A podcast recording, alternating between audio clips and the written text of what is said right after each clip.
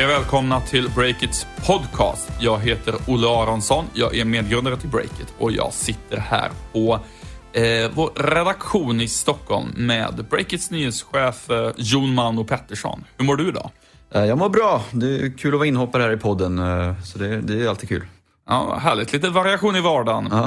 Eh, Du, i den här podden så har vi ett litet specialtema. Vi ska avslöja en rad nyheter kring Klarna. Eh, bland annat en av grundarnas nya hemliga framtidsplaner och en ny ägare i Klarna. Dessutom så blir det lite om Spotifys nya storsatsning på video och lite annat smått och gott. Eh, men först kör vi fem snabba från veckan som har gått, tycker jag. Yes, jag börjar med en riktigt snabb. Mediemogulen Rupert Murdoch, han äger en bit av Uber, avslöjar Recode i veckan. Ja, och gott. Apple, eh, de eh, funderar enligt uppgift eh, efter många om men på att stänga ner iTunes. Deras gamla nedladdningsmusiktjänst som inte känns helt rätt i tiden just nu. Och det här rapporterade den ibland lite journalistiskt skakiga sajten Digital Music News och Apple dementerade dessutom efteråt. Men någon gång ska nog iTunes stänga tror jag. Just det. Den sajten är inte helt pålitlig, men den är, den är värd att spana in ändå. Eh, så kunde vi rapportera i veckan också om att cirka 40 personer kom på Stockholm Tech Protest, eh, demonstrationen för startups rättigheter kanske man kan säga. Och den anordnas ju i Stockholm här med, som en reaktion på Spotify-grundarnas brev, helt enkelt. Exakt. Eh, 40 personer, men det var mycket journalister där, så de fick rätt bra snurr på uppmärksamheten ändå. Mm. Eh, Och sen till sist, eh, utifall någon har missat det, eller inte sist, näst sist i det här eh, nyhetssvepet, så samåkningstjänsten eh, Uber Pop, eh, den stängs ner i Sverige eftersom den är olaglig, i vart fall med dagens lagstiftning, då det var Dagens Nyheter först med att rapportera. Linus Larsson där, tech-redaktören. Just det. Och så har vi supertåget Hyperloop som har tagit in eh, ytterligare 650 miljoner kronor i riskkapital. Och tekniken då som enligt optimisten är som ett snabbtåg fast mycket, mycket snabbare och billigare. Det har föreslag, föreslagits bli ett alternativ till höghastighetsbanorna som ska byggas i Sverige. Bland annat mellan Sverige och Finland tror jag till och med att man hade som förslag. Ja, exakt. En hyperloop-tunnel eh, över eh, Östersjön vore väl trevligt när man ska till Helsingfors över helgen. Ja, men då får man inte åka färja. Det, det, det är sant. Det, man har väldigt bråttom Ja. till, till helgbestyren. Vi sponsras denna vecka av Forefront Consulting, det snabbväxande och entreprenörsdrivna konsultbolaget som andra företag och organisationer anlitar för allt som har att göra med den digitala transformationen, skulle man kunna säga. Mm, och ett av Forefronts erbjudanden är prediktiv analys. Och det är ett modeord just nu, Olle. Eh, du kanske kan berätta lite mer om vad det är för någonting, prediktiv analys? Ja, det bjuder jag så gärna på. Men, eh, det som Forefront erbjuder inom prediktiv analys, eh, det handlar om att samla in data om hur dina kunder beter sig och sen försöker du förutse vad de ska göra framöver. Kanske framförallt vad de ska köpa framöver. Till exempel om de är på väg att sluta vara kunder eller vad deras tak för att spendera hos dig är. Och ett exempel på hur Forefront har lyckats hjälpa sina kunder med prediktiv analys, det är att de har kunnat komma fram till att alla personer som har en bil som är nyare än tre år, de är betydligt mer sannolika än andra att betala mer för en charterresa. Det är intressant att veta om man är researrangör. Ja, verkligen. Och om man vill komma i kontakt med Forefront, hur, hur gör man då? Ja, eh, då kan man till exempel mejla dem på breakit ffcg.se. Alltså, jag tar den en gång till. Breakit eh, ffcg.se. Gör det och tack så mycket Forefront för att ni sponsrar oss. Yes, den här veckan har vi tänkt köra lite specialtema med den inofficiella rubriken Livet efter Klarna. Är det du som har satt den här rubriken eller? Ja, jag, jag tycker det kändes så härligt. Det, det var liksom sådär som det, det låter liksom som, som livet efter den stora skogsbranden. Ja, eller men något lite sådär, så. livet efter en katastrof. Men Ja. nej, det, det, är inte, det är inte livet efter en katastrof, men det har den lite... Det är tvärtom kan man säga. Ja, livet efter monstersuccén med Klara. Precis. Ja, men det är ju du och Stefan Lundell som brukar poddare och sen nyrekryteringen Erik Wisterberg som har grävt lite i diverse dokument och papper och, och kring Klarna helt enkelt. Yes, och det vi har gjort är att vi har kartlagt eh, Klarna-grundarnas eh, kommersiella engagemang och vi tycker oss nu kunna måla en skiss över deras framtidsplaner. Eh, men eh, vi börjar med en rak nyhet om Klarna som vi har sprungit på i samband med det, tycker jag. De har fått en ny hemlig delägare i form av grunderna till ryska posten. Ja, då vill man ju veta, ryska posten, för de som inte vet, vad är det för något?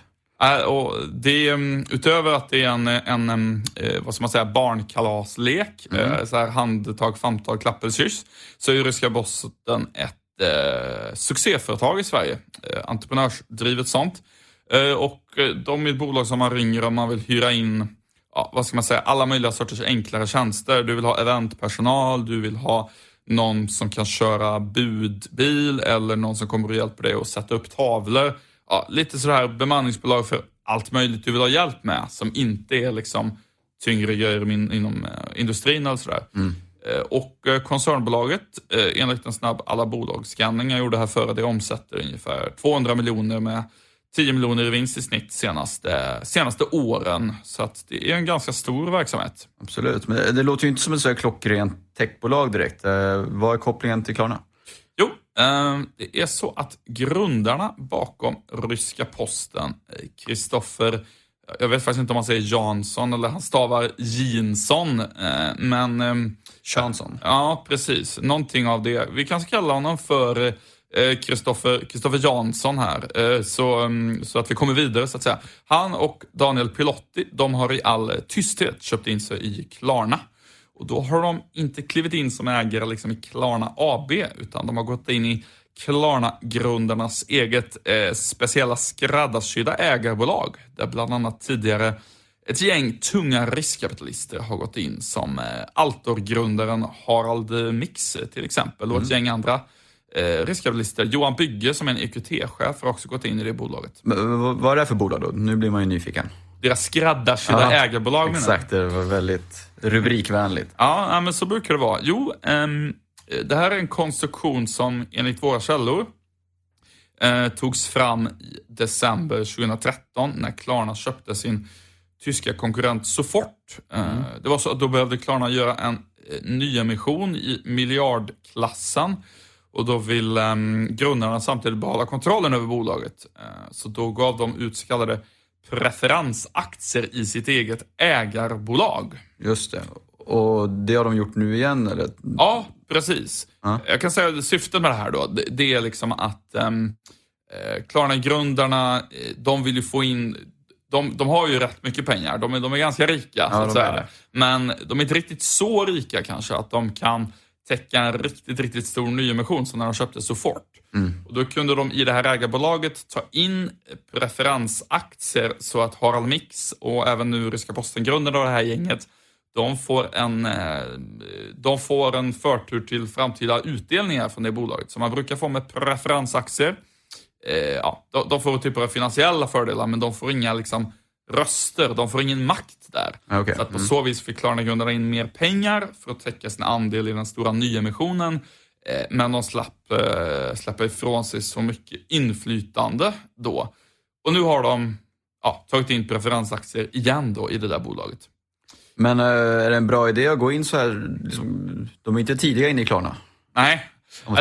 Nej, precis. Det är det som är lite intressant här. Eh, Erik Wisterberg håller på och försöker titta på om vi kan luska ut exakt hur mycket ryska Bosniengrundarna går in med eh, här. Det är, det är ju så att... Eh, Sätter press på honom nu. Ja, nej, precis. Det är ju så att eh, i nyemissionen står det en klumpsumma varav de mm. går in med en del. Då. Vi har inte lyckats fastställa det exakt än. Men man kan väl säga så här att det här ser...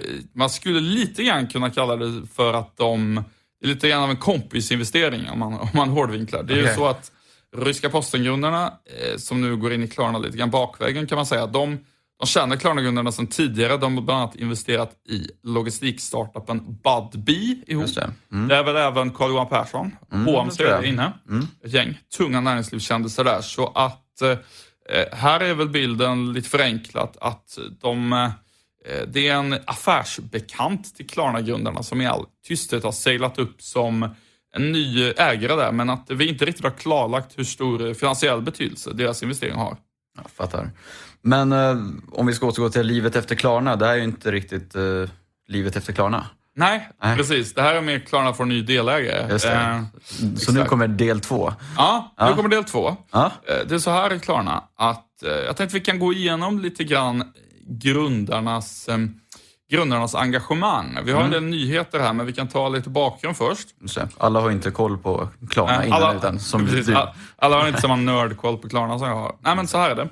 Eh, eh, Den enda av Klarna-gubbarna som jobbar kvar som operativ i Klarna, det är ju Sebastian Siemiatkowski som är VD. Mm. Eh, Och han är ju än så länge, satsar ju liksom såklart nästan all sin tid på Klarna. Mm. Eh, Men redan med honom så tycker jag att man kan se att han tillsammans med hans fru Nina Sundberg Siemiatkowski som tidigare var chef på Swedish Match.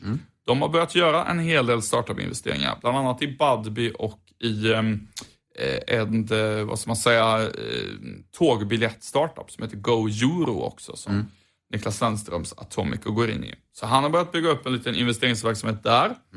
Eh, och, men nästan mer intressant är ju att titta på vad de grundarna som har hoppat av som operativa håller på med. Och då, eh, de är ju ganska tystlåtna, så att vi verkligen. gräver på våra håll, vi har ju grävt eh, i en hel del dokument för att se vad de håller på med. Och, eh, vi kan börja med Niklas Adalbert. Ja, absolut. Han skulle väl hålla på med någon välgörenhet? Var det inte så? Ja, filantropisk verksamhet Ja. som man brukar kalla det för. Just det. Och det, det han har gjort då, det är att han ska göra olika typer av för mänskligheten gottgörande investeringar. Eh, Han har startat ett bolag som heter Stockholms Norrskenet AB. Eh, Och de ska, eh, om man läser bolagsbeskrivningen, bedriva utveckling av tekniska innovationer för utsatta grupper. Låter ju bra ändå. Ja, men det får man säga. Eh, Så det, det är vad han ska hålla på med. Och sen i övrigt är han väldigt tystlåten och vill inte svara på frågor om det. Men det kanske mest spännande och som också ingen har rapporterat om tidigare, det kommer nu. Det har att göra med Klarnas eh, tredje medgrundare Viktor Jakobsson. Han var ju den som hoppade av först. Just. Och således doldis lite grann. Exakt, precis. Är, Han har varit lite bortglömd i det svenska näringslivet, men nu har vi grävt på Bolagsverket och kommit fram till att han kan vara nära en eh, storartad comeback. Så pass. Nu är förväntningarna på topp. Ja, ja verkligen. Ja. Ja. men så här är det. Eh, Vi ska vara helt transparenta med det. Vi vet inte exakt vad Viktor Jakobsson har på gång och han har inte velat kommentera våra uppgifter. Men här är vad vi vet. Det är så att hos Bolagsverket så har Viktor Jakobsson ett typ tiotal bolag registrerade på sig. Eh, Nästan alla har någonting att göra med Klarna eller hans medgrundare. De sitter där i styr- de har typ åtta bolag ihop där de alla sitter i, i styrelsen tillsammans. Ja. Men det finns två bolag där det inte är så. Och de heter Dovern Advice och Roosevelt Holding. Där Roosevelt Holding är på väg att registrera bifirman Roosevelt Funding Partners. Eh, Och de har Viktor Jakobsson ihop med en person som heter Mikael Walter. Kan vi nu avslöja. Vet du vem Mikael Walter är? Ja, det är väl någon sådär eh, fondgubbe. Gubbe, han är inte så gammal faktiskt. Nej, men- Fondkille. Fondkille kan vi säga det, för att vara snälla mot Mikael. Ja, men det tycker jag vi ska vara snälla mot Mikael. Han absolut. har inte gjort oss något ont. Uh, Mikael Walter är en... Men var det nästan rätt eller? Ja, att med fondkille? Ja. Ja, ja, nej men det var, det var inte fel. På Ja, men det- det var rätt. då- Men det var gubbe jag reagerade på, Ja, inte ja. fond. Ja. Eh, nej, men han jobbade tidigare på eh, Finansmannen Christer Gardells stora hedgefond som Mm. bland annat är tung ägare i Volvo. Som eh, placerar stora miljardbelopp som de bland annat får loss från eh, Carl Icahn, eh, den amerikanska tunga investeraren som brukar gå in i, i, i Cevians fonder. Och där har Mikael Walter jobbat i sex år som proffsinvesterare. Det är ju ett eh, riktigt fint finansjobb i Stockholm. Sen hoppade han av häromåret och eh, har dragit igång ett gäng nya verksamheter. Han, driv, han bedriver ett litet riskkapitalbolag som heter Navos Capital. Och eh, sen så har han via ett bolag som han har nyligen investerat i en fintech-startup som heter Monetize. Just. Eh, eh, som ehm, eh, via ett annat bolag han har. Men sen driver han då också Dovern Advice och det här Roosevelt Funding Partners som han äger tillsammans med, framgår på Bolagsverket, eh, tillsammans med Viktor Jakobsson. Just det. Och funding partners, det låter ju lite investerarlåda sådär. Ja, det låter väldigt mycket investerad tycker jag. Ja. Och eh, det det står, de här bolagens eh, ja, beskrivningar. Det handlar eh, att de ska syssla med rådgivning kring företagande och placering och handel med värdepapper. Som det står en massa sådana här bolagsbeskrivningar. Mm. Det är ofta ganska intetsägande. Eh, men eh, mot bakgrund av vilka personer det är, det är en person som har jobbat på CVn väldigt mycket mm. med investeringar och som har den typen av verksamhet och investerar i både små börsbolag och i viss mån då fintechbolag typ Monetize och att de är på väg att sätta upp det här Funding Partners tillsammans och Viktor Jakobssons bakgrund så tycker jag ganska mycket ändå faktiskt talar för att de skulle kunna sätta upp en liten fintech-investeringslåda tillsammans i all tysthet. Mm. Eh, det måste inte vara så och det här är ingenting som vi har bekräftat, men eh, vad ska man säga, de offentliga data som finns pekar ju i den, i den riktningen. Men det är fintech-investeringar du tror på i så fall? Nej, men det skulle nog kunna vara andra investeringar också, men mot bakgrund av att fintech ju förstås är det som Viktor Jakobsson kan mest och att eh, den andra liksom, ängelinvesteringen som jag har hittat, som Mikael Walter har gjort, är en fintech-investering. Mm. Så ligger det ju liksom i farans riktning eh, i den meningen. Eh, det är inte så att jag har, eh, jag har inte liksom källor jag har pratat med eh, på stan, som jag brukar säga, mm. som säger det, utan det är liksom den spekulativa slutsatsen jag drar utifrån det. Men jag tycker det är ganska kvalificerad spekulation ändå. Ja, men den som lever får se.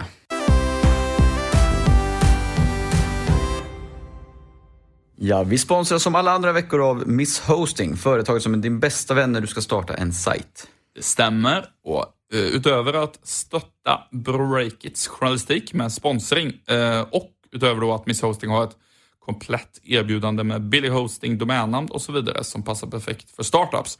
Utöver det så erbjuder de support via mail, eh, chatt och telefon när du behöver det. Så är det. Så om sajten skulle gå ner, då har man någon att ringa och det är ju ganska skönt. Det är väldigt skönt. Man vill inte bara ha någon internationell jätte som har någon att info-mailadress som de aldrig svarar på.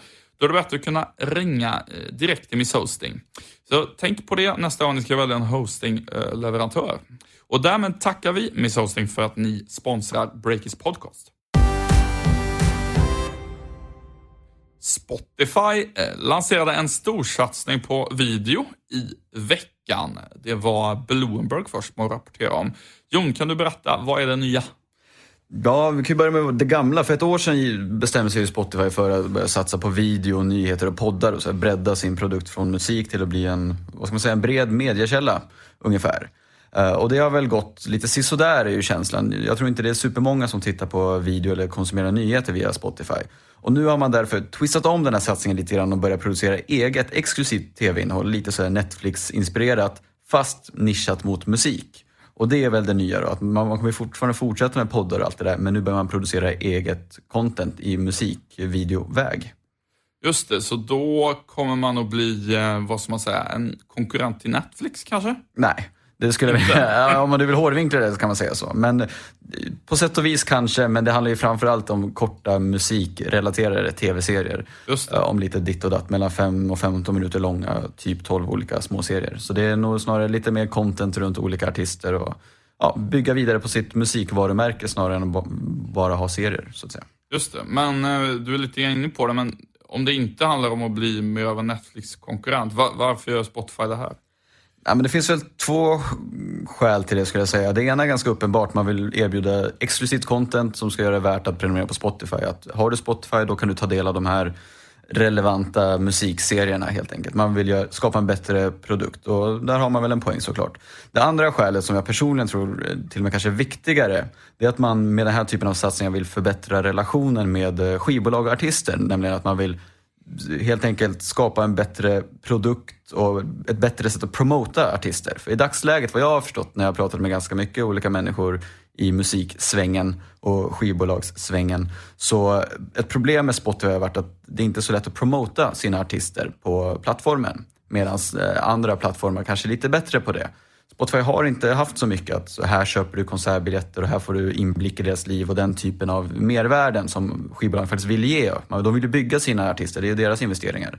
Eh, där har man hamnat lite efter, men genom att nu börja snudda på att eh, börja ge video om musik och kanske på sikt mer backstage och exklusivt content runt artisterna, det, det, tror jag kan uppskattas och på sikt kanske göra artisterna lite gladare och på sikt sluta bojkotta Spotify till fördel för andra. Ungefär. Just det. Så att man kan se det här lite grann som att eh, Spotify eh, ser Drake och andra stora tunga artister som kör exklusivt på Apple Music och de där exklusiva perioderna blir liksom allt längre och det gör, liksom, det gör allt ondare. Så är det. Daniel Ek och Martin Lorentzon. Och då behöver man hitta på någonting som är lite, lite artistfjäsk sådär. Ja, men lite så tror jag. Sen vet jag inte om just de här tv-serierna kommer vara så, men jag tror på sikt att det är nog en ganska klok väg för Spotify att gå att börja leverera lite mer content runt artisterna helt enkelt och runt sin nisch.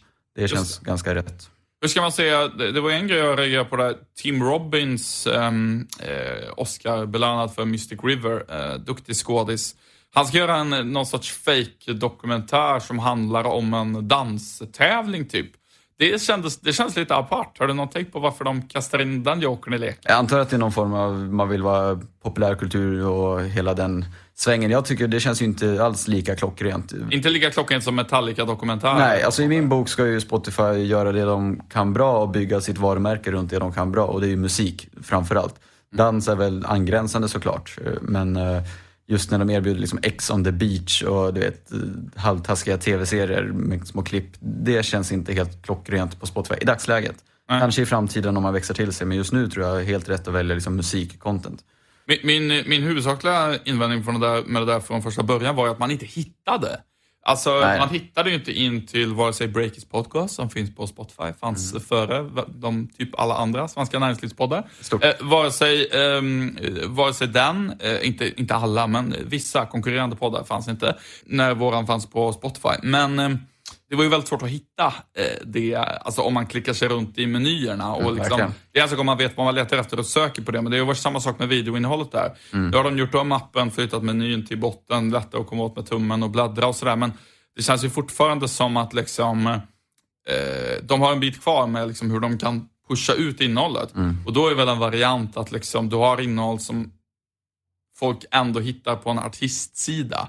Folk söker väl efter artister. Mm, och då ska innehållet finnas där istället för på en specifik videosida. Ja. Bör det ligga på Metallicas sida. Liksom. Precis, det känns ju mycket mer rimligt, i alla fall i dagsläget. Sen kanske nästa steg blir att man breddar sin videoprodukt om man nu tror på det. Uh, nej men Spotify, de har väl lite att jobba på men de blir ju bättre också just på det med promotion och sånt. De säljer konsertbiljetter nu har de börjat ganska nyligen och det kommer säkert komma mer sånt här just som är ganska tydliga flörtar mot skivbolagsbranschen som alltid vill ha mer. kan man också Exakt. Säga. Ständigt den här skivbolagsbranschen. Det är ganska intressant. Jag har tänkt på det.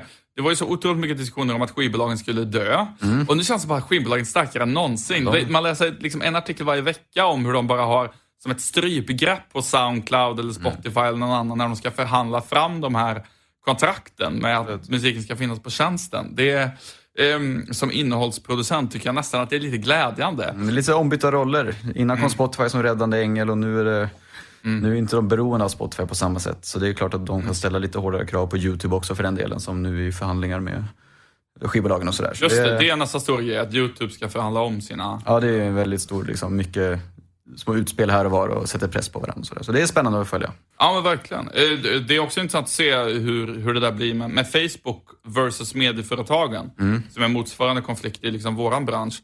Då är det ju mycket jobbigare att vara innehållsproducent, för det finns liksom bara ett Facebook. Ja. Eh, det som är grejen här, som gör att skivbolagen får en så bra förhandlingsposition, och artister som Taylor Swift och så vidare, det är ju att det ändå finns här tre, fyra aktörer nu. Mm. liksom, det var ingen som blev Facebook for Music. Nej. Och då kan man bara spela ut dem mot, mot varandra. Det är lite som att om Telia är för dyrt, gå till Tele2. Mm. Uh, det är en intressant situation där var de har lagt sig någonstans i, i värdekedjan. Mm. Jag hoppas att någon kommer att konkurrera med Facebook på motsvarande sätt, så att inte de får... Och Google också för den delen. Ja, ver verkligen. Uh, det är en, en önskan här till, till den som ska starta nästa riktigt heta startup. Gör, gör någonting så att vi som medieföretag får en bättre förhandlingsposition om vi vill köra instant article eller någonting annat. Just det. det känns som vi kommer komma tillbaka till Spotify i framtiden, så vi kanske ska släppa det. Ja, ja. men det tycker jag. Men eh, vi har ju lite nyheter här på Breakit också. Vi har plockat in en ny toppkille, kan man säga. Yes, eh, efter vår, eh, vårt starka nyförvärv av Johanna Ekström så har vi följt upp det med att plocka in Erik Wisterberg från Dagens Media. Eh, han har börjat nu eh, och det känns väldigt eh, kul måste jag säga. Flera starka nyheter från hans digitala penna, bland annat om försvarets app. Var ju han först med att rapportera hur mycket den kostade. Och sen ska vi väl konstatera också på avdelningen självskryt att vi körde ett närmast fullsatt event nu i veckan där vi frågade ut Mikael Damberg, näringsministern. Det blev väl en, en succé i den månen en utfrågning av en politiker kan vara, kan vara en succé. Um, mest intressant tyckte jag var Thomas Kull från Mathem, en svensk riktigt tung entreprenör som var där och var väldigt tydligt kritisk mot bland annat att regeringen slopar arbetsgivaravgift, den billigare arbetsgivaravgiften för människor under 26 eh, år. Ja, men han har väl en massa anställda, tänker jag.